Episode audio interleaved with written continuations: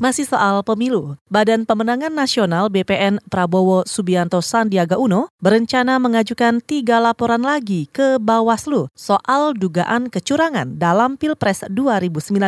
Direktur Hukum dan Advokasi BPN Sufmi Dasko Ahmad mengklaim kecurangan itu terstruktur, sistematis, dan masif. Kata dia, BPN akan menuntut Joko Widodo Ma'ruf Amin didiskualifikasi. Saat ini kami sedang melakukan upaya upaya seperti di Bawaslu. Masih ada tiga laporan kami lagi dengan eh, apa namanya tuntutan melakukan eh, Bawaslu mendiskualifikasi pasangan 01. Nah selanjutnya untuk yang lain-lain baru akan kami uh, rapatkan di Badan Pemenangan Nasional Prabowo. Itu tadi Direktur Hukum dan Advokasi BPN Sufmi Dasko Ahmad. Hari ini Bawaslu memutus dua laporan dugaan kecurangan pemilu yang diajukan BPN. KPU dinyatakan terbukti melanggar administrasi dalam sistem informasi penghitungan suara atau situng dan hitung cepat. Menurut Direktur Hukum dan Advokasi BPN Sufmi Dasko, putusan ini bisa menguatkan tuntutan agar Jokowi Ma'ruf didiskualifikasi.